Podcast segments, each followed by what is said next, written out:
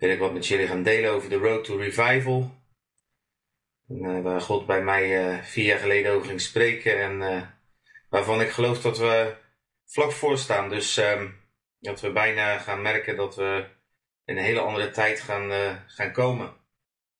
En die woorden die God spreekt, die komen uit Jezaja 52 en ik wil de komende nou, week of weken wil ik ook met jullie daarvan uit gaan delen. Dus vanuit Jezaja 52 echt met elkaar ehm, ja, het woord ingaan om te kijken van in welke tijd leven we en wat, wil, uh, wat, willen we, wat wil God daarin zeggen. Hè? Door, zoekt wat de wil van God is, uh, ook in deze tijd.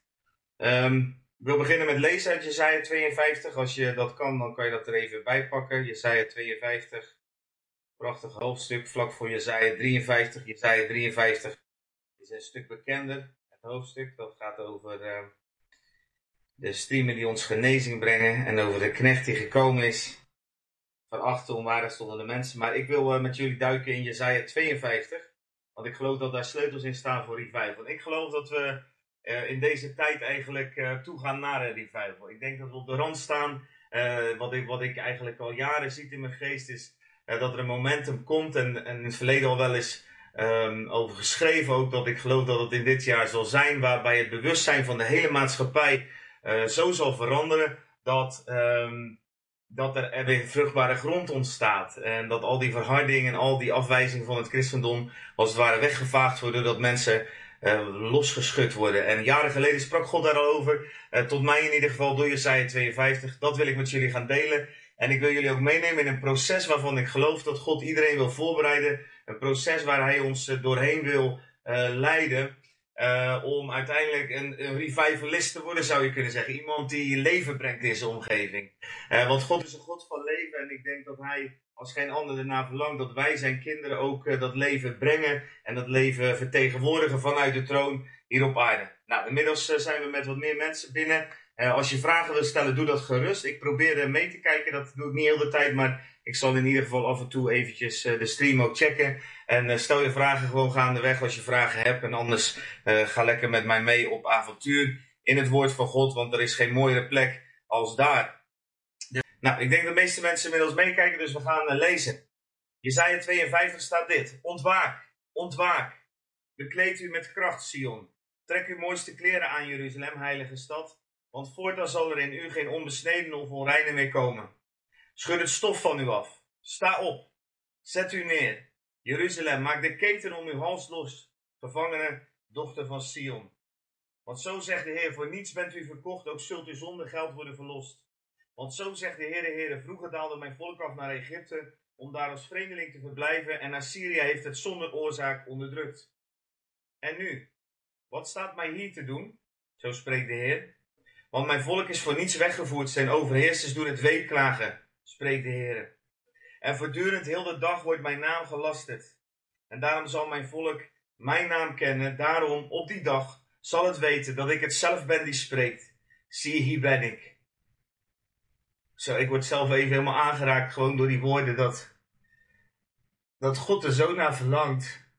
Dat zijn volk zelf weet dat hij spreekt. En zie, hier ben ik. Ik kom daar straks ook nog even op terug, denk ik, maar het emotioneert me gewoon, deze woorden uit Jesaja. Ik lees daar zo het verlangen in van God naar een volk, naar zijn kerk, naar zijn gemeente, naar zijn zonen en dochters. Die openbaar komen en die leven gaan brengen. Daarom zal mijn volk mijn naam kennen en daarom op die dag zal het weten dat ik het zelf ben die spreekt. Zie, hier ben ik. Want hoe lieflijk zijn op de bergen de voeten van hen die het goede boodschap, die vrede laat horen, die een goede boodschap brengt van het goede, die heil laat horen en die tegen Sion zegt, uw God is koning een stem. Uw wachters verheffen hun stem en tezamen juichen zij, want zij zullen het zien oog in oog, als de Heer terugkeert naar Sion. Breek uit in gejubel, juich tezamen, puinhopen van Jeruzalem, want de Heer heeft zijn volk getroost, hij heeft Jeruzalem verlost. Dit gedeelte wil ik eigenlijk de komende tijd met jullie gaan behandelen en ik zal jullie heel even snel meenemen in een aantal stappen die God daar laat zien. En ik zal keer voor keer zal ik dan zo'n stap gaan behandelen. Um, allereerst, als je dit hoofdstuk leest, kan je het natuurlijk opzij leggen. Dan kan je zeggen van, nou ja, uh, het is een profetie uit, uh, die is geuit tegen Jeruzalem. uh, wat heeft dat eigenlijk te maken met deze tijd? Hè, zo wordt er vaak naar het Oude Testament gekeken en uh, mensen vergeten daarbij vaak dat uh, het Oude Testament ook de enige Bijbel was voordat Jezus, die Jezus had. En Jezus was de openbaring van het Oude Testament. Dus allereerst mogen wij door Jezus heen, door wat wij geleerd hebben door zijn leven, door wat wij geleerd hebben over hoe hij de Vader openbaart en de Vaders wil, mogen wij naar het Oude Testament kijken en komt het Oude Testament daarmee ook in een heel ander perspectief. Jezus is als het ware de leesbril waarmee wij het Oude Testament moeten lezen om te kunnen begrijpen en te kunnen vinden wat de wil van God was ook in het Oude Testament en wat zijn karakter was. Dat is het eerste. Ten tweede, als je zomaar een profetie aan Jeruzalem opzij wil zetten, dan moet je ook begrijpen dat elke profetie naar welke macht of naar welke um, plaats of naar welke groep of naar welk volk ook uitgesproken, vertegenwoordigt iets waardoor wij God kunnen laten leren kennen. Profetie is het openbaren van de wil en van de mening van God. En als wij dus profetieën lezen, en die lezen we in de context van een geheel, in de context van gebeurtenissen, dan kunnen wij daarin iets vinden van het karakter en van het verlangen van God. Wij kunnen God leren kennen doordat Hij zijn wil openbaart in zijn woord door profeten heen, of door de wet heen. Dus het gaat niet om de wet en de profeten, het gaat niet om veroordeling en wet, maar het gaat erom dat we juist in dat wat gesproken is door uh, in de Torah in de, in de, en in de profeten, dat we daarin juist de wil van God kunnen vinden. Juist wij, nu wij kijken met die bril van Jezus waar ik het net over had.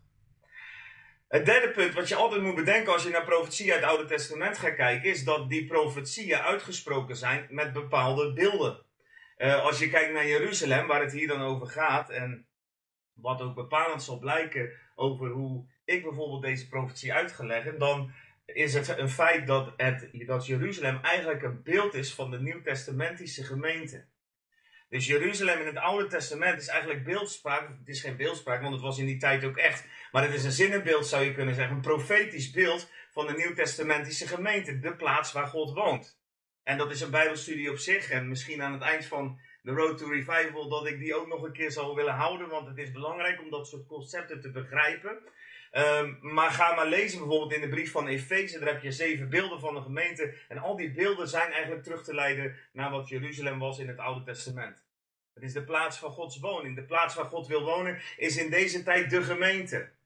De tempel van God stond in Jeruzalem. Als je in Efeze leest, dan kan je lezen dat de tempel van God, dat zijn wij alle gelovigen. En God bouwt in zijn gemeente ook een tempel. Jeruzalem is de bruid. Wij als gemeente zijn de bruid. Nou, ga zo maar door. Ik ga daar nu niet te ver op in, want anders dan ga ik mezelf daarin verliezen. En ik verlies mezelf snel in het woord. Zo eerlijk moet ik zijn dat ik vind het fantastisch. Wat een diepte en een rijkdom Gods woord heeft. En ook in een tijd dat de wereld schudt, dan is dat het fundament waar we op terug kunnen vallen. Zijn woord en zijn geest. De relatie, de gemeenschap en het vinden van wie hij is in zijn woord door die geest die ons de dingen openbaart. Maar goed, dus een profetie aan Jeruzalem is een profetie aan de kerk van nu, is een profetie aan de gemeente. En als, als dan wij in Jezaja 52 lezen dat uh, Jezaja gaat profeteren over Jeruzalem, dan moeten wij dus alert zijn, want dan heeft dat dingen te zeggen voor de kerk van nu. Dan mogen wij daarvan leren voor de gemeente van God van nu. En dan is het ook belangrijk wat voor beeld je hebt van de gemeente. Want kijk, sommige mensen zeggen, ja, de kerk, dat zijn, uh, weet ik veel, dat is misschien je kerkraad. Of dat is misschien je voorganger of je dominee. Dat is voor jou eigenlijk zo'n beetje de kerk. En nu moet ik natuurlijk oppassen dat ik weer niet in de volgende Bijbelstudie terechtkom. Maar ook die wil ik aan het eind zeker een keer graag geven. Maar ik wil je vandaag in ieder geval wakker maken met één zin alleen al. De kerk, dat ben jij. Gods kerk op aarde, dat ben jij. Als onderdeel van die kerk. En ook dat is weer terug te vinden in al die brieven van Paulus. Maar een heel belangrijk en een heel duidelijk eh, gedeelte vind je wel waar Paulus het lichaam uitlegt als de lichaamsdelen, de leden. We zijn allemaal leden van één lichaam. Dus Jezus is naar de hemel gegaan. De Vader heeft de geest gezonden. En die geest die neemt het uit Jezus, verkondigt het ons door het lichaam van Jezus heen. En het lichaam van Jezus, daar ben jij onderdeel van. En wij zijn allemaal een onderdeel van dat lichaam. En als wij allemaal op onze plaats zullen zijn, dan zal Jezus zichtbaar worden. Dan zal het lichaam van Jezus duidelijk herkend worden. Ik heb wel eens een blogje geschreven over allerlei lichaamsdelen die los verspreid lagen in de kerk. En um, daar kreeg ik best wel wat commentaar op. Maar ja, ik, ik geloof dat dat een reëel beeld is van hoe het er vanuit de hemel uitziet als wij als christenen uh, allemaal kerkmuurtjes bouwen en allerlei um, um, verdeeldheid en allemaal over regeltjes en dingetjes en die heeft het nog waarder waar dan de waarheid en de waarheid. En, en we zijn maar bezig met wat waarheid is. En ondertussen wijzen we met die vingers. En, en proberen we eigenlijk alleen maar onszelf te verheffen en de ander af te stoten. Maar vanuit Christus gezien zijn we één. En op het moment dat Jezus in jouw leven gekomen is, op het moment dat jij gezegd hebt, ja, u bent mijn Heer, ik wil mijn leven aan u geven. Uh, op dat moment is eigenlijk, uh, ben jij onderdeel geworden van zijn gemeente. Ben jij de kerk geworden. Dus de kerk is een optelsom van alle gelovigen. De kerk is niet een gebouw, de kerk is ook niet een paar muren, de kerk is ook niet een logo of een naambord. De kerk is ook niet drie formulieren van al dan niet enigheid. Dat is niet de kerk. Die bepaalt niet wat de kerk is. De kerk bepaalt, de kerk, wie de kerk is, wordt bepaald door jou en door mij. De kerk is een optelsom van alle mensen die in Jezus geloven. Dat is gewoon een Bijbels concept. En dat zullen ook de mensen die een andere kerkvisie hebben, zullen dat niet ontkennen, want de Bijbel is daar overduidelijk in. De kerk is het optelsom van alle geloven. En dat betekent dus als we naar een profetie gaan die gaat over, over beweging, die gaat over een road to revival, die gaat over hoe kan jij herleven en hoe kan herleving gebracht worden door jou heen, dat dat ook een profetie is aan de kerk, dat het ook een profetie is aan jou en dat elke stap die jij daarin maakt een stap is die eigenlijk de hele kerk meemaakt. En dat is zo mooi. Dat is zo mooi aan, aan, aan dat je soms kan denken, ja wat moet ik nou in mijn eentje beginnen? En jij krijgt een enorm verlangen naar God en je begint in zijn woord en je hoort preken die je nog nooit gehoord hebt. En je hoort allerlei dingen waarvan je zegt van wow, dat, dat, wat moet ik daarmee? Dan, dan is het vandaag voor jou denk ik echt een troost om te weten dat jij een volledig onderdeel bent van die kerk. Dat jij dus, als jij je plaats inneemt, vanzelf ook leven zal brengen op die andere plaatsen. Nou, daar gaat eigenlijk Jesaja 52 ook over. En het zijn een aantal stappen eh, die ik even mee ga, door ga nemen. Maar dat is een proces van wakker worden. En dan vervolgens heeft de Bijbel het over kracht aan doen. Over het stof afschudden. Over opstaan. Over jezelf neerzetten over de ketenen van je hals losmaken. Over dat je volledig vanuit genade kan bewegen. Dat je vrij wordt van schaamte en lasten. Over het ontwikkelen van intimiteit. En over hem kennen, zijn naam, zijn karakter. Over de ontwikkeling van die persoonlijke relatie met hem. Zijn stem kunnen verstaan en daardoor het goede kunnen boodschappen. En dan uiteindelijk ook samen de overwinning vieren. Een fantastisch proces wat hier in Jezaja 52 wordt blootgelegd en waar we met elkaar naar mogen gaan zoeken. En daarom heb ik ook boven deze serie heb ik gezet Road to Revival. En daaronder staat Prepare the way, prepare yourself. Ah, God wil herleving brengen. Want dat is zijn hart.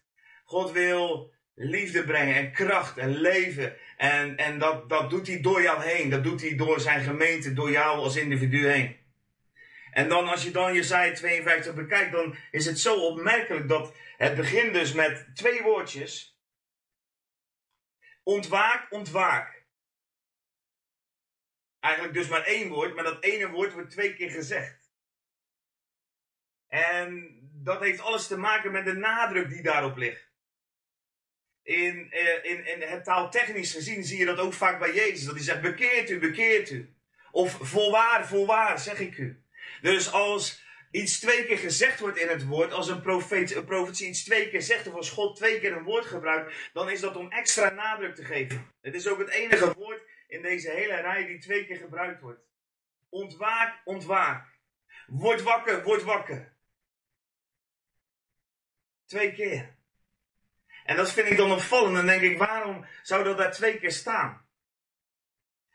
Waarom staat er niet gewoon één keer ontwaakt? Want al die andere dingen staan er ook maar één keer. En ik geloof dat dat, dat komt omdat dat misschien wel het aller, allermoeilijkste proces is van allemaal. Dat het misschien wel het allermoeilijkste is, dat ontwaken, dat wakker worden van alle processen die we door moeten gaan.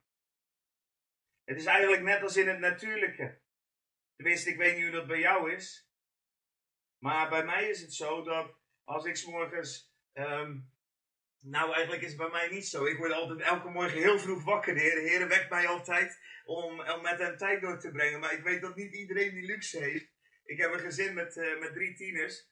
En uh, de oudste is inmiddels getrouwd, maar ik heb daaronder nog drie tieners. die wonen bij mij thuis. En uh, de jongste daarvan, die, heeft, die is ook vroeg wakker altijd. Maar de middelste twee, die nu 15 en 17, zijn, of ja, 15 en 17 zijn, um, die komen niet zo makkelijk uit bed. En ik denk dat heel veel mensen dit herkennen. Je wordt wakker en, het is, en je moet uit bed eigenlijk, je wekker gaat. En het is zo makkelijk en zo comfortabel om even te blijven leggen, liggen. Zeker nu. Als je misschien uh, wat minder verplichtingen hebt als normaal, als er niemand op je werk zit te wachten, zoals je normaal gesproken uh, gewend bent dat mensen zitten te wachten. Dan moet je dus doorzetten om wakker te worden. Het is eigenlijk net als in het natuurlijke, want als je eenmaal wakker bent en je doet eenmaal die dekbed opzij en je stapt eenmaal uit bed en je bent er eenmaal uit, ja dan gaat de rest ook wel. En meestal is dat dan een tocht naar de douche. Of, of weet ik veel wat je misschien eerst naar het koffiezetapparaat. Haast je naar een espresso. Om eventjes wat, uh, wat leven in jezelf te gieten. Bekleden met kracht komt volgende keer. Dus wie weet gaat het over koffie. Ontwaak, ontwaak. Word wakker, word wakker. Soms moet God dat dus vaker roepen dan één keer. Het is dus niet vanzelfsprekend dat wij wakker zijn. Het is dus niet vanzelfsprekend dat wij wakker worden. Het is dus niet vanzelfsprekend dat wij woke zijn. Ik weet niet of je de term woke kent, maar mensen zijn tegenwoordig woke. Dat betekent dat je alert bent op allerlei uh, politiek correcte zaken. Nou, God vraagt hier, als hij begint in Jezaja 52, ontwaak, ontwaak, word wakker, word wakker. Alsof hij aan jouw bed schudt vandaag. Wakker worden, wakker worden. Wakker worden, wakker worden.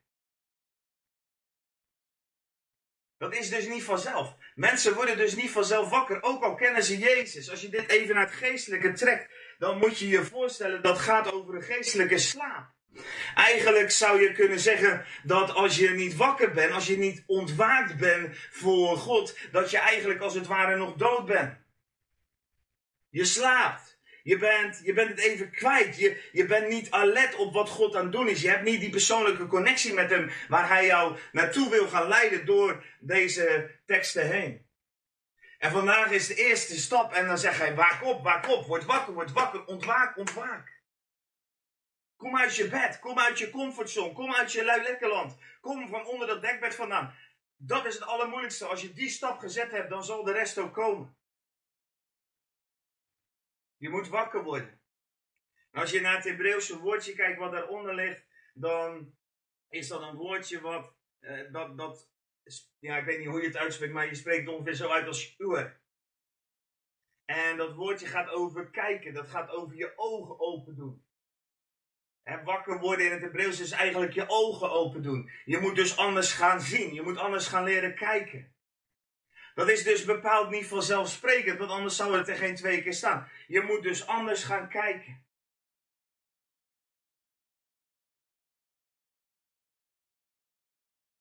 toen ik net aan het, aan het bidden was hierover, toen kwam eigenlijk. Ik heb hier al heel lang over geschreven, maar net kwam God nog met een tekst in de gedachte. En die staat in Johannes 3, vers 3 tot 7. En dat wil ik voorlezen. Daar zegt Jezus dit: Voorwaar, voorwaar zeg ik u. Als iemand niet opnieuw geboren wordt, kan hij het koninkrijk van God niet zien. Wakker worden gaat over het zien. Als je niet wakker bent geworden, als je als je niet wakker bent geworden, als je niet bewust bent wederom geboren, dan kan je niet zien. Je ziet de dingen niet zoals God ze ziet. Je kan het koninkrijk van God niet zien. Als het gaat over het ontwaken, ontwaken, dan gaat het over een wedergeboorte. Maar dan gaat het over een wedergeboorte die niet alleen maar een, formaliteit is of uh, alleen maar het opzeggen van een bedje. Maar dan gaat het over een heel fysiek proces waarbij jij vanuit je slaap wakker wordt. En dat wakker worden is ook een ruw proces. Dat is in het natuurlijk ook, je moet door barrières heen om wakker te worden. Je moet door barrières heen, ook in geestelijke zin, om wakker te worden, om te gaan leven als een revivalist, om te gaan leven als iemand die bereid is om voor God de weg voor te bereiden. Je moet wakker worden, je moet door barrières heen om uit dat comfortabele te gaan, vanuit die lauwheid, vanuit dat stoffige, en wakker te worden, op te gaan staan, uit je bed te komen, dan moet je door barrières heen. En die barrières bevinden zich in je eigen ziel. En jouw ziel wordt gevoed door wat jij ziet, door hoe jij waarneemt. En daarom is het waak op, waak op, wat eigenlijk in het Hebreeuws staat, is open je ogen, open je ogen. Want als jouw ogen eenmaal open zijn, dan ga je de dingen anders zien. En ik ga er nu niet al te gebreid, uitgebreid op in, want ik heb afgelopen zondag er ook over gesproken. En ik denk dat je die, eh, dat kan je ook nog wel terugvinden bij, uh, op de Facebook van IM. Ehm, maar als je kijkt over het gaan zien, het je ogen open gaan, dan heb ik net de tekst voorgelezen. Als je, als je niet opnieuw geboren wordt, kan je het koninkrijk van God niet zien. Maar dan kan je ook denken aan een tekst bijvoorbeeld uit Openbaringen 3. En in Openbaringen 3, daar komen we een, een, een, een brief tegen die schrijft Johannes. En dat is een directe openbaring van Jezus Christus, die hem ontmoet in een visioen. En hij schrijft daar over naar de gemeente van Laodicea. En ik ga dat voorlezen. Het zijn ernstige woorden. En het begint zo: wie oren heeft, laat, hoor, laat hij horen wat de geest tegen de gemeente zegt. En schrijf aan de engel van de gemeente in Laodicea: Dit zegt de Amen, de getrouwe en waarachtige getuige, het begin van Gods schepping. Ik ken uw werken en ik weet dat u niet koud of heet bent, was u maar koud of heet. Maar omdat u lauw bent en niet koud en ook niet heet, zo zal ik u uit mijn mond spuwen. Want u zegt, ik ben rijk en steeds rijker geworden en ik heb aan niets gebrek. Bekende zin, hè? Dat is ook wel hoe wij in onze maatschappij, en ik ben daar zelf net zo goed onderdeel van als jullie, uh, hoe we vaak in slaap gesust worden, om het toch maar gewoon zo te zeggen. Je wordt gewiegd in een, in, een, in een schommelstoel van comfort en van voedsel en van voorziening en van dat alles altijd geregeld is. En langzaam maar zeker word je in slaap gewiegd. Dat is ook dat beeld hier. Ik ben rijk en ik heb aan niets gebrek. Maar Jezus zegt, weet, weet, maar u weet niet dat dat juist u ellendig, beklagenswaardig, arm, blind en naakt bent. Dus Als je anders gaat leren zien, als je wakker gaat worden, als je je ogen gaat openen, dan ga je dus vanuit het perspectief van de hemel kijken. En vanuit het perspectief van de hemel zie je de maatschappij die zichzelf in slaap ligt eruit als ellendig, arm, uh, jammerenswaardig, uh, naakt en blind. Oké. Oké. Kijk, God voorziet niet in de ramp die zich op dit moment voltrekt. God is niet de veroorzaker of degene die de corona um, geeft. Maar God gebruikt het wel.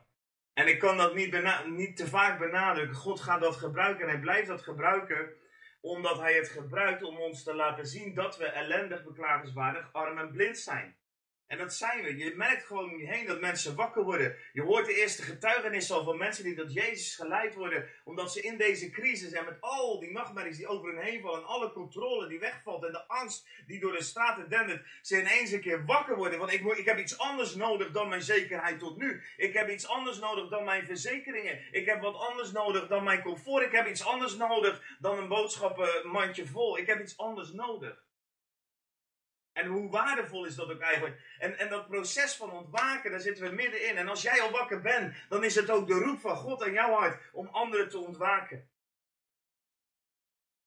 Het perspectief van de hemel en het perspectief van ons, als God onze ogen aan gaat raken en ons wakker gaat maken, onze ogen opent, is dat wij horen de maatschappij zeggen: Ik ben rijk en steeds rijker geworden, ik heb er niets gebrek. We horen ook de kerk zeggen, ach het gaat allemaal wel, ja oké we verliezen wat leden, maar het lukt allemaal nog wel. Maar Jezus kijkt anders en hij zegt, u weet niet dat u juist ellendig, beklagenswaardig, arm, blind en naakt bent. En dan geeft hij een advies. En dat advies gaat, dat is ook het advies van Jesaja 52. Het advies wat Jezus geeft is, ik raad u aan dat u van mij goud koopt gelouterd door het vuur, zodat u rijk wordt. Dat gaat over heiliging, proces wat in ons mag plaatsvinden, waarbij we onze fouten en alles waarin we soms nog zo kleinzielig zijn en zo menselijk zijn, dat we dat meer en meer af mogen gaan leggen en mogen inruilen voor zijn heerlijkheid.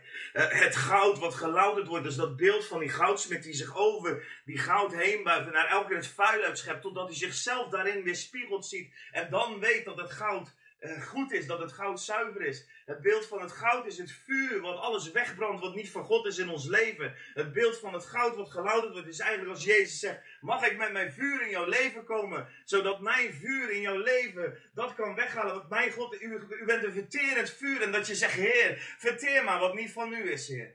Verteer het maar, louter mij maar. Ik koop dat goud. Ik wil dat goud. Ik wil die echtheid. Ik wil, ik wil dat dat wat u bent zichtbaar wordt in mij. En dat alles wat ik ben. Johannes zei het al, ik moet minder worden, zodat hij meer kan worden. Paulus zegt dit, dood dan alles van jou, vlees. Alle delen die hem in de weg zitten. Ons eigen natuurlijke ik. Zodat het goud in ons zichtbaar wordt. En we kopen witte kleren, opdat u bekleed bent en de schande van uw naaktheid niet openbaar wordt. Nou, als we wakker worden, als we die ogen zelf op gaan doen, waar, waar hij zo over gaat spreken. Als wij wakker worden, wakker worden, als we, als we ontwaken, als we ontwaken, als we, als we daadwerkelijk in dat proces komen, dan hebben we ook die witte kleren nodig. En die witte kleren, die wijzen uiteraard op het kruis wat hier achter mij staat. Even kijken, zo kunnen jullie het ongetwijfeld even zien. Dat kruis waar Jezus alles aan heeft volbracht. Dat gaat over genade. Die witte kleren, dat zijn de kleren waarin wij mogen bewegen. Zodat we niet meer bezig zijn met onze eigen fouten. En dat we ook weten dat God niet bezig is met onze fouten. Maar dat we leven vanuit genade. Dat we leven vanuit een verzoenend werk. Dat we leven vanuit een overwinning. Want Hij heeft voor ons, hij, die klederen zijn gewassen in het bloed van het lam. Dus wij zijn bekleed met die witte kleren. Dus dat betekent dat als wij wakker worden, als we gaan kijken, dat, dat we op een andere manier in het leven gaan staan als zelfbewuste mensen die gekleed zijn in reinheid en in heiligheid. En dat we Hem in ons hebben. En dan zegt hij zalf u met ogenzalf, opdat u zult kunnen zien. Hier is die ogenzalf. Hier is die roep weer, word wakker. Wat letterlijk betekent open je ogen. Hier is die roep, die ook in Johannes 3 staat. Anders kan je het koninkrijk van God niet zien. Hier komt ook een roep die we tegenkomen in Efeze 5 vers 14. Waar staat, ontwaakt u die slaapt, sta op uit de dood. Jezus zegt eigenlijk ben je dood als je daadwerkelijk niet in staat bent om het leven te zien vanuit mijn perspectief, vanuit mijn visie. Als je daadwerkelijk niet in staat bent om vanuit mijn hemel mee te, te, te bewegen op deze aarde, dan ben je feitelijk dood dan ben je feitelijk niet door dat proces gegaan waar de graankorrel sterft en waar een nieuw leven opstaat. Waar je je oude leven aflegt. Als je het hebt over wakker worden, wakker worden. Als je het hebt over ontwaken, ontwaken. Als je het hebt over doe je ogen open, doe je ogen open. Kom uit je comfortzone, kom uit je lauwheid. Dan heb je het over een proces waarin je tot leven mag komen. En waarin de opstandingskracht van Jezus zelf, die het graf overwon. En die niet alleen aan het kruis bleef, maar die door de dood heen opstond. En zijn kracht in deze wereld wil geven. Dat ook die kracht daadwerkelijk een onderdeel geworden is van jouw leven. Dat is wakker worden. Het gaat over de Heilige Geest. Die ogenzalf is de ogenzalf van de Heilige Geest. Die maakt dat jij een ander perspectief kan zien.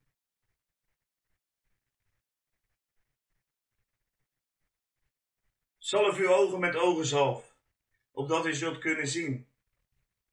Matthäus 6, vers 22 staat dat Jezus zegt dat de lamp van het lichaam het oog is. En als het oog oprecht is, dat dan heel het lichaam verlicht zal zijn.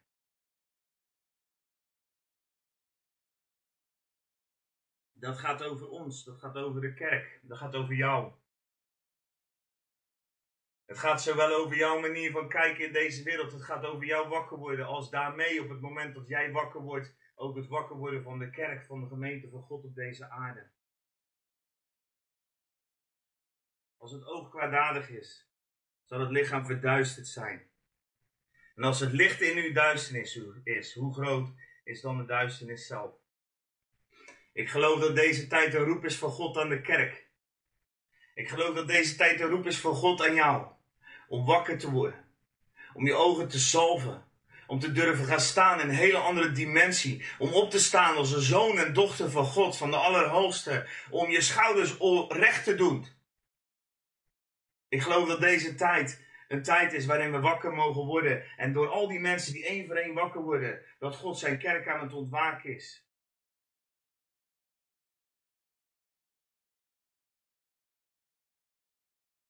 Ieder die ik lief heb, wijs ik terecht. En bestraf ik. Wees dan ijverig en bekeer zijn van die woorden die we soms lastig vinden. Het is soms zo moeilijk om de liefdevolle vader eh, die vanuit genade leeft. En het ligt ook maar net aan uit welke hoek je komt hoor. Want helaas is er in de kerk van God ook niet heel veel evenwicht. Vaak is het of, of we weten heel goed wat de waarheid is, of we weten heel goed wat genade is. Of we preken graag over teksten als wees ijverig en bekeer u. En we gaan sidderend en bevend het huis uit, uh, de, de, kerk uit. Als we het nog überhaupt horen, want ook dat soort dingen raak je heel gemakkelijk aan gewend, weet ik uit mijn eigen leven. Of we leven helemaal vanuit genade. En och, als iemand nog eens de waarheid vertelt, of als we het hebben over heiliging, of als we het hebben over toewijding of overgave, oeh, dan wordt het wel spannend. Jezus was 100% waarheid, 100% genade, voluit. En als wij wakker worden, gaan we leven in 100% waarheid, 100% genade.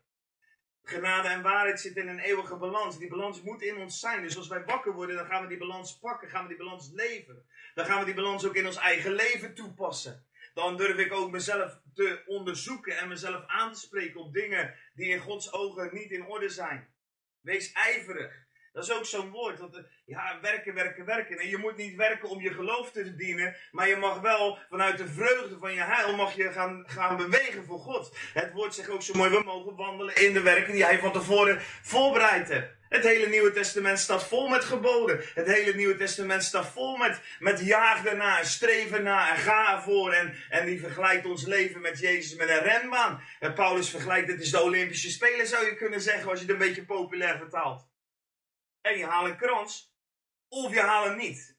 Dus als wij wakker worden, ontwaken, dan betekent het ook dat we ijverig worden. Dat we een ijverig hart krijgen. Dat we ervoor willen gaan. Dat we de dienst van God boven alles stellen. Dat we God boven alles stellen. In zuivere termen, want ik weet natuurlijk niet wat het woord de dienst van God voor jou betekent. Maar dat betekent voor mij mijn relatie met God en wat Hij daaruit spreekt wat ik moet doen. In die definitie worden we ijverig. En we bekeren ons. Dat is ook zo'n zwaar woord. En dan kan je, oh, bekeert u, bekeert u, bekeert. Ja, het is wel een woord wat Jezus heel vaak gebruikt. Dus het is ook heel gezond om dat woord ook heel vaak te horen. Wij moeten een voortdurend leven van bekering leiden. En bekeren, dat is metanoia. Dat gaat over anders denken. Als wij wakker worden, als we ontwaken, dan gaan we anders denken. Onze gedachten gaan gevormd worden vanuit de gedachten van Christus. Vanuit de hemel, vanuit het woord, vanuit de geest. En we gaan anders denken. En dat wij anders gaan denken, dat maakt dat wij altijd bereid zijn om te bekeren. Om, om andersom te gaan. Dus we keren ons niet naar het kwaad toe, maar we keren ons van het kwaad af en we keren ons naar het goede. Bekeert u. Keer je om. Het is eigenlijk net zo'n oproep als wakker worden, wakker worden. Ontwaak, ontwaak. Doe je ogen open, doe je ogen open. Keer je naar het goede, keer je naar het goede. Wees ijverig en bekeert u, want zie, ik sta aan de deur en ik klop. En als iemand mijn stem hoort en de deur opent, dan zal ik bij hem binnenkomen en maaltijd met hem houden. En hij met mij. En wie overwint, ik zal hem geven met mij te zitten op de troon, zoals ik ook overwonnen heb en mijn, mijn vader op de troon gezet ben. Openbaringen 3, vers 13 tot 21 kan je deze woorden teruglezen. Ik geloof dat als we wakker worden, als we ontwaken, dat we in een proces komen waarin we heiliging serieus nemen. Dat het gaat over toewijding. Dat het gaat over dat we onze ogen gaan zalven. Dat we God de ruimte geven om anders te gaan denken, om anders te gaan kijken. In Efeze 5 vers 17 daar staat dat woordje ontwaak ook. Daar staat weer die oproep, word wakker. Word wakker u die slaapt, sta op uit de doden. Dat is heftig, hè? Weet je waarom dit zo heftig is? Omdat dit staat in de brief naar de Efeze. En Efeze is een christelijke gemeente in de eerste uh, begintijd van het christendom, uh, waar uh, heel veel van Gods liefde en heel veel van ons Gods kracht aanwezig was. Paulus prijst die gemeente ook. En toch staan er dan opeens dit soort woorden geschreven als een soort wake-up call aan die gemeente om, om wakker te blijven. Het is dus niet vanzelfsprekend, ook al hebben we nog zo'n prachtig geloof en ook al bewegen we nog zo mooi in de dingen van God en dat we wakker blijven. Klaarblijkelijk zit er in ons mensen de neiging om vrij snel in slaap te vallen. Geestelijk gezien dan. Natuurlijk gezien ook wel. ik heb altijd het probleem als ik met mijn jongens een film ga kijken, dat ik dan vrij snel in slaap val. Daarom doen we dat ook niet zo vaak, want ik ben daar gewoon niet geschikt voor om dat te volgen. Ik, eh, ik ben snel weg en dan lig ik heerlijk te slapen. Maar we zijn geneigd om snel in slaap te vallen, ook in het geestelijke.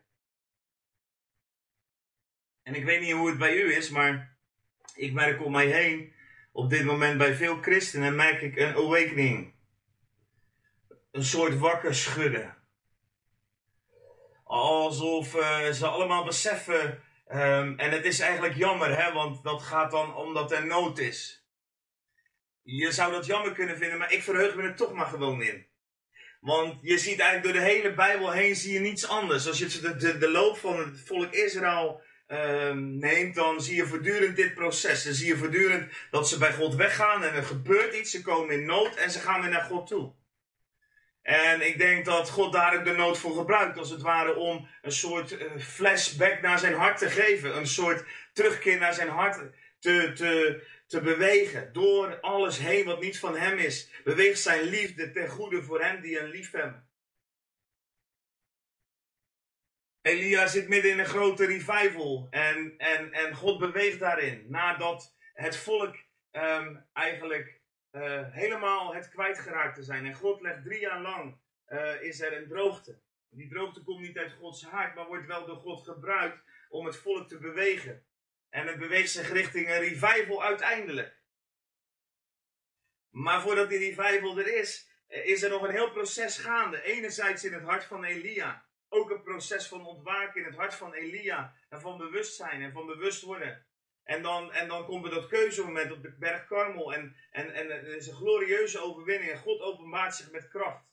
Ik geloof dat we dit soort momenten mee gaan maken. Dat als jij ervoor kiest vandaag om wakker te worden, dat jij Elia momenten mee gaat maken in je leven. Dat je gesprekken gaat hebben met mensen die zo diep gaan. Dat jouw vraag aan die mensen uiteindelijk is: kies nou gewoon wie je wilt dienen. Kies heden, nu, op dit moment. Wie wil jij dienen? Wil jij de angst en de zorgen en de controle dienen? Of wil jij Jezus, de Heer, dienen die vrijheid geeft?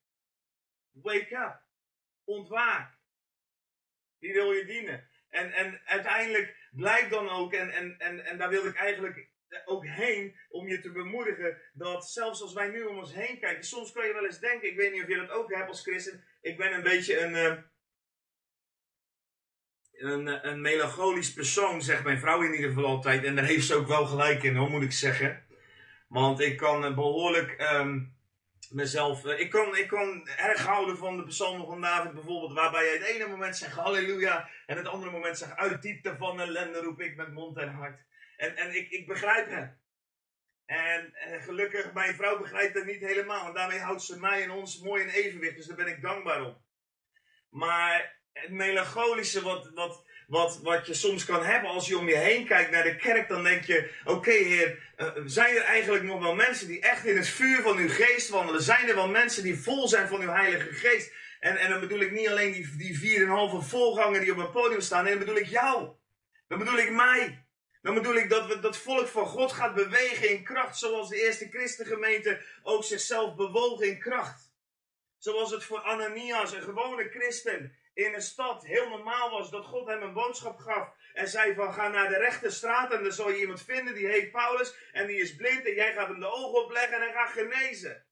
Ik zoek naar een kerk en ik geloof dat God die kerk wil wakker maken in deze tijd. Zoals hij dat in de tijd van Elia deed met 7000 die nog niet voor Baal hadden gebogen. Ik geloof dat we in een tijd leven dat er nog veel meer dan 7000 zijn. En dat we elkaar mogen laten ontwaken. Dat we mogen roepen, word wakker, word wakker. Ook naar elkaar toe. Word wakker, word wakker. Dit is de tijd van Elia. Dit is de tijd van Ananias. Dit is de tijd dat we boodschappen uit de hemel horen. Ga naar de rechte straat. Ga naar de dorpstraat. Ga naar de Meerdijk. Ga naar, ga naar de Paulusweg. En wek mensen op. En ga daarheen en je zal iemand vinden die heet zus en zo. En, en, en, en God gaat je woorden van kennis geven om in die straat iemand aan te spreken. En je legt zijn leven open en diegene valt op zijn knieën. En die zegt, Jezus is Heer. Leid mij naar hem toe. Ik heb hem nodig. Dat is waar we naartoe mogen gaan als we wakker worden. En daarom mogen we elkaar ook wakker schudden. Daarom mogen we elkaar ook op de schouder tikken en zeggen, jij bent toch ook christen? Ben jij al wakker? Ben jij woke voor Jesus? Ben jij woke voor justice? Ben jij woke voor joy? Ben jij woke voor de Heilige Geest? Ben je woke? Ben je wakker? Ben je ontwaakt?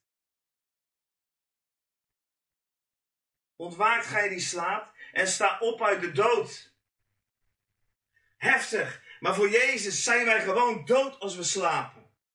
Voor Jezus is die lauwheid, zoals ik net uit Openbaringen 3 heb gelezen eerder, is die lauwheid is iets wat hij uit zijn mond spuugt. Je zou eigenlijk even populair gezegd, hij moet ervan kotsen. Van die lauwheid. Openbaringen 3. Ik spuug het uit mijn mond. Hij kan er niks mee. Het is zo moeilijk om iemand die lauw is, heet of koud. Het is zo moeilijk dat hij zegt ontwaakt, ontwaakt. Dubbel. Hij zegt er twee keer, word wakker, word wakker. Omdat we anders niet eens wakker worden omdat we blijven liggen onder ons dekbed van heerlijk, van regeltjes en structuren. Omdat we blijven liggen onder ons dekbedje en onze warme kamer. En lekker met elkaar in de kerk lekker liggen te knuffelen. En dat we gewoon eens eventjes helemaal niet wakker zijn om deze wereld redding te brengen. Dat we helemaal niet wakker zijn om het leven van Jezus te brengen op de plekken waar het zijn. Dat we helemaal niet wakker zijn voor de dromen en de visioenen die de Heilige Geest ons wil geven. Om ons in die rechte straat te leiden, om daar mensen van hun blindheid te genezen. Omdat we helemaal niet wakker zijn. Word wakker, word wakker. Jij moet wakker worden, ik moet wakker worden. We mogen elkaar opwekken om wakker te worden. Ontwaakt, ontwaakt. Sta op uit de dood. Lauwheid is dood. En dan kan je nog zo'n mooie kerkgebouw hebben. Kan je nog zo'n mooie kerk hebben. Je bankjes kunnen glimmen. En je psalmborden staan prachtig vol. Of je beamer eh, roept halleluja, halleluja, halleluja. Maar als we niet wakker zijn, dan zijn we dood. Ik, jij, wij allemaal, als we niet wakker zijn, zijn we dood. Ontwaakt u die slaap, sta op uit de dood. Christus zal over u lichten. Opnieuw gaat dat licht aan. Als wij wakker worden, dan gaat de zon der gerechtigheid opkomen. En dan gaan we de dingen zien in zijn licht. En in zijn licht zien wij het licht. In zijn licht gaan we de dingen in het juiste perspectief zien. En dan gaan we niet alleen als Christus over ons gaat lichten, zullen wij dat licht ook gaan brengen op andere plaatsen. Let er dan op dat u nauwgezet wandelt. Niet als dwazen. Ik hou van de Bijbel. Weet je waarom ik van de Bijbel Mensen noemen mij vaak radicaal. En dat ben ik ook, ben radicaal. Maar ik zie, het woord is ook radicaal. Jezus was behoorlijk radicaal. Je moet maar eens gewoon eens een keer gewoon het hele evangelie van Lucas bijvoorbeeld lezen. En er dan eens op letten wat hij bijvoorbeeld tegen zijn eigen discipelen zegt. Hier ook. Het woord van God zegt, let er dan op dat u nauwgezet wandelt, niet als dwazen. Als wij zomaar een beetje iets doen, als wij zomaar eh, met, met een half duister wandelen in het licht met Jezus en ondertussen wandelen we niet in het licht, maar wandelen is ons oog verduisterd omdat we die ogen zelf niet hebben, omdat we niet wakker geworden zijn, omdat we, niet, dat we de Heilige Geest niet hebben ontvangen, dan wandelen wij dus als dwazen.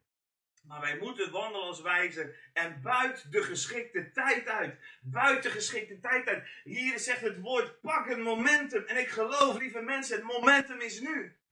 Het momentum is nu en de jaren die komen. Het momentum is nu. Nog vier maanden en de velden zijn rijp om te oogsten. Het momentum is nu. En dan kan je zeggen, ja, maar ik zit in quarantaine. Nou, je hebt toch een telefoon, bel eens iemand. Help iemand met zijn boodschappen. Uh, stuur een appje. Het momentum is nu, nu, nu. Dit is de geschikte tijd. Buit de geschikte tijd uit. Dat is een opdracht vanuit de hemel voor mensen die wakker zijn. Nut de tijd, staat er in de oude vertaling. Benut de tijd. Want de dagen zijn vol kwaad. Daar hoef je de krant maar voor na te lezen. Daar hoef ik verder geen toelichting op te, op te geven.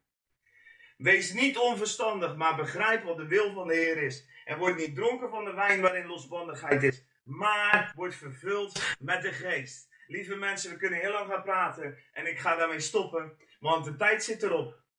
Maar dit is de sleutel. Wakker worden. Wakker worden. Jezaja 52. Ontwaak, ontwaak. Letterlijk staat er eigenlijk. Doe je ogen open, doe je ogen open. Is een proces van vol worden van de Heilige Geest. Het is de Heilige Geest waardoor we, zoals Efeze 5, vers 14 tot 18, hè, dat is wat ik net voorlas, ontwaak u die slaap, sta op uit de dood. En Christus zal over u lichten. Die tekst staat in Efeze 5, vers 14. En misschien wel fijn om dat na te kunnen lezen. Daar staat dus: wees niet onverstandig, maar begrijp wat de wil van de Heer is. Het is de Heilige Geest die ons wakker kan maken. Want zonder die Heilige Geest kunnen we het Koninkrijk van God niet zien. Het is ook de Heilige Geest die ons gaat helpen om te begrijpen wat de wil van de Heer is. Het is de Heilige Geest die zorgde dat Ananias in de rechte straat kwam en daar tegen Saulus vertelde wat er ging gebeuren in zijn leven, hem de handen oplag en zijn ogen opende. Het is de Heilige Geest waar jij intimiteit, waarmee je vol mag worden, wordt vervuld met de Geest die jou gaat helpen om die woorden van kennis en wijsheid uit de hemel te krijgen, die levens voor goed kunnen veranderen. Het is de Heilige Geest die jou kan helpen om deze geschikte tijd uit te buiten. Het kan niet anders als door en met de Heilige Geest. Nog twee dingen. Het ene is een liedje van Leland. Wat ik ooit hoorde. En toen ik dat gedichtje hoorde, toen raakte mij dat zo. Want op een bepaald moment heeft God mijn leven zo aangeraakt. Hij heeft mij daadwerkelijk van blind, heeft hij mij ziende gemaakt. En van dood heeft hij mij levend gemaakt. En dat verschil in mijn leven was zo immens. En, en, en ik was echt daadwerkelijk wakker geworden, ja. Zou je kunnen zeggen, uit die slaap van de dood. Waar ik daarvoor in lag. En waar ik alleen maar op mezelf gericht was. En bezig met mezelf. En, en vooral alles om me heen draaide alsnog om mijzelf. En toen kwam Jezus en hij maakte mij wakker. En in mij ontstond een verlangen naar een wereld waarin we allemaal wakker zouden zijn. Een wereld die vol zal zijn van de heerlijkheid van God. Een wereld waarin mensen daadwerkelijk hun hulp en hun heil zoeken bij de enige die het kan geven, Jezus. En, en ik ben besmet met een virus en ik noem dat maar revival. Het is een revival virus. Ik geloof dat er een God is die in mijn leven opeens vanuit de dood leven gaf. Letterlijk dat ik gewoon levend werd en dat ik een levendig mens werd en dat ik helemaal vanuit mijn kokon in één keer, waarin ik zo met mijn eigen en mezelf en, en, de mensen om me heen, alles, ik was zo zelfgericht. Ineens was er leven en ben ik gaan genieten en heb ik het leven omarmd en, en, en kan ik tot op de dag van vandaag elke dag genieten. Ook al staat de hele wereld in brand en staan de kranten vol met corona, dit, corona, dat. Ook al, al ik, ik, ik ben bij hem. En hij is mijn bron van leven. En toen hoorde ik ooit een liedje van Leland. En dat liedje heet The Great Awakening. Die cd heet zo, maar dat liedje ook volgens mij. En dat gaat zo. One man wakes. Awakens another. Ik zal het vertalen. Eén iemand die wakker wordt, maakt een ander wakker. En the second one wakes is next door brother. En die tweede die ook wakker is geworden, die maakt zijn volgende, de buurman wakker, zou je kunnen zeggen. En die drie samen, wakker geworden, die maken de hele stad wakker. En zetten de hele boel op zijn kop, keren alles om ten goede. En als er dan heel veel wakker worden, dan gaat er zoiets groots gebeuren dat uiteindelijk iedereen wakker zal worden. Ja, één iemand die ontwaakt. Met de morgen stond nog in zijn ogen. Misschien nog een klein beetje knippend met zijn ogen zou je kunnen zeggen. Zoals we soms wel eens doen. Zo, oh, oh, oh, wat heb ik nu voor preekje gehoord. Wat vraagt God van mij? Wat moet ik doen? Ik ben nog een beetje half onder mijn dekbed. Maar ja, Heer, ik wil eruit. One man awakes with dawn in his eyes. Surely that it multiplies. Zeker zal het dan vermenigvuldigen. En ik zal het gedichtje nog één keer lezen in het Engels. Want dan rijdt het ook en dat klinkt natuurlijk lekker hè. One man wakes. Dus één man ontwaakt. Awakens another. Second one awakes his next door brother. Three awake can rouse a town and turn the whole place upside down. Many awake will cause such a fuss. It finally awake all of us. And one a man awakes with dawn in his eyes. Surely it multiplies. Sorry. Soms is het verlangen in je zo sterk. Soms heeft God zo vuur in je hart gelegd. Dat je dit soort woorden niet eens kan uitspreken zonder dat dat verlangen je bijna te groot wordt.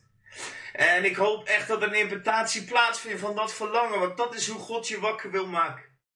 En dan ben jij die man Die ene man die wakker wordt. Die ene man die ontwaakt. Die ene vrouw die ontwaakt. En, en jij maakt de volgende wakker. En met z'n drieën maak je je hele omgeving. Of je hele gezin. Of je hele familie wakker. En al die mensen bij elkaar maken, alle, alle, maakt iedereen wakker. Nut de tijd. Buiten de tijd uit. Buiten geschikte tijd uit. Efeze 5 vers 17. Doe het. One man awakes, awakens another. Second one awakes, his next door brother. En als je zo met mij verbonden bent via de livestream of je luistert dit later af, dan wil ik je vragen: het leven bestaat uit keuzes. En ik, ik, het is heel simpel. Toen Jezus op aarde was, stelde hij voortdurend vragen aan mensen waar ze een keuze moesten maken. Je kon niet anoniem blijven. Wil je genezen? Volg mij. Bekeer je. Er moest een keuze gemaakt worden. Waarom? Omdat de keuze het, hetgene is wat in onze ziel gelegd is, waarmee we onze wil in beweging zetten. En ik wil je op dit moment vragen om een keuze te maken. Om een keuze te maken dat God in jouw leven mag zeggen: word wakker, word wakker. En dat jij zegt: ja, Heer, ik spring uit bed. Ja, Heer, ik spring uit mijn comfortzone. Ja, Heer, ik sta op en ik ga eruit en ik ga bewegen. Ja, Heer, ik ga mooie dingen op mijn Facebook zetten. Ja, Heer, ik ga die persoon bellen waar u al wekenlang mee in mijn gedachten komt. Ja, Heer, die oude vriendin, ook al vind ik het hartstikke moeilijk. Ik ga vergeving vragen. Come on, awake! Word wakker! Word wakker! En als je zo met mij verbonden bent en, en je wil dat, die stap maken. Je wil zeggen, ja Heer, u mag mij wakker schudden vandaag. Dan wil ik je gewoon vragen of je hand op je hart wil leggen. Achter je telefoontje of je computer of waar je ook maar kijkt op dit moment. En dat je met mij die keuze wil maken, ja Heer. En misschien moet je het gewoon hardop uitspreken. Ook al vind je dat nog zo gek. Ja Heer. Ik wil wakker worden. Ik wil wakker worden voor uw zaak. Ik wil leven ontvangen. En ik wil leven doorgeven. Ik wil wakker worden. Ik ontwaak. Mijn leven is van u. Ik wil niets achterhouden. In Jezus' naam. Amen. Ah, one man wakes, awakens another. Second one wakes his next door brother. Three awake and rouse the town, and turn the whole place upside down. Many awake will cause such a fuss, it finally awakes all of us. One man wakes with dawn in his eyes, surely then it multiplies. Iemand schreef dit ooit, lang geleden, tijdens de Second Great Awakening. Toen er in Amerika een vlaag van vernieuwing en herleving door het land ging. Ik hoop dat generaties na ons dit soort gedichtjes zullen lezen. Die wij hebben geschreven. In een tijd dat alles dicht leek te gaan en we allemaal in quarantaine zaten. Maar dat jij en ik die mensen waren die wakker werden en een ander wakker maakten. En daarmee zegen ik je in de naam van Jezus.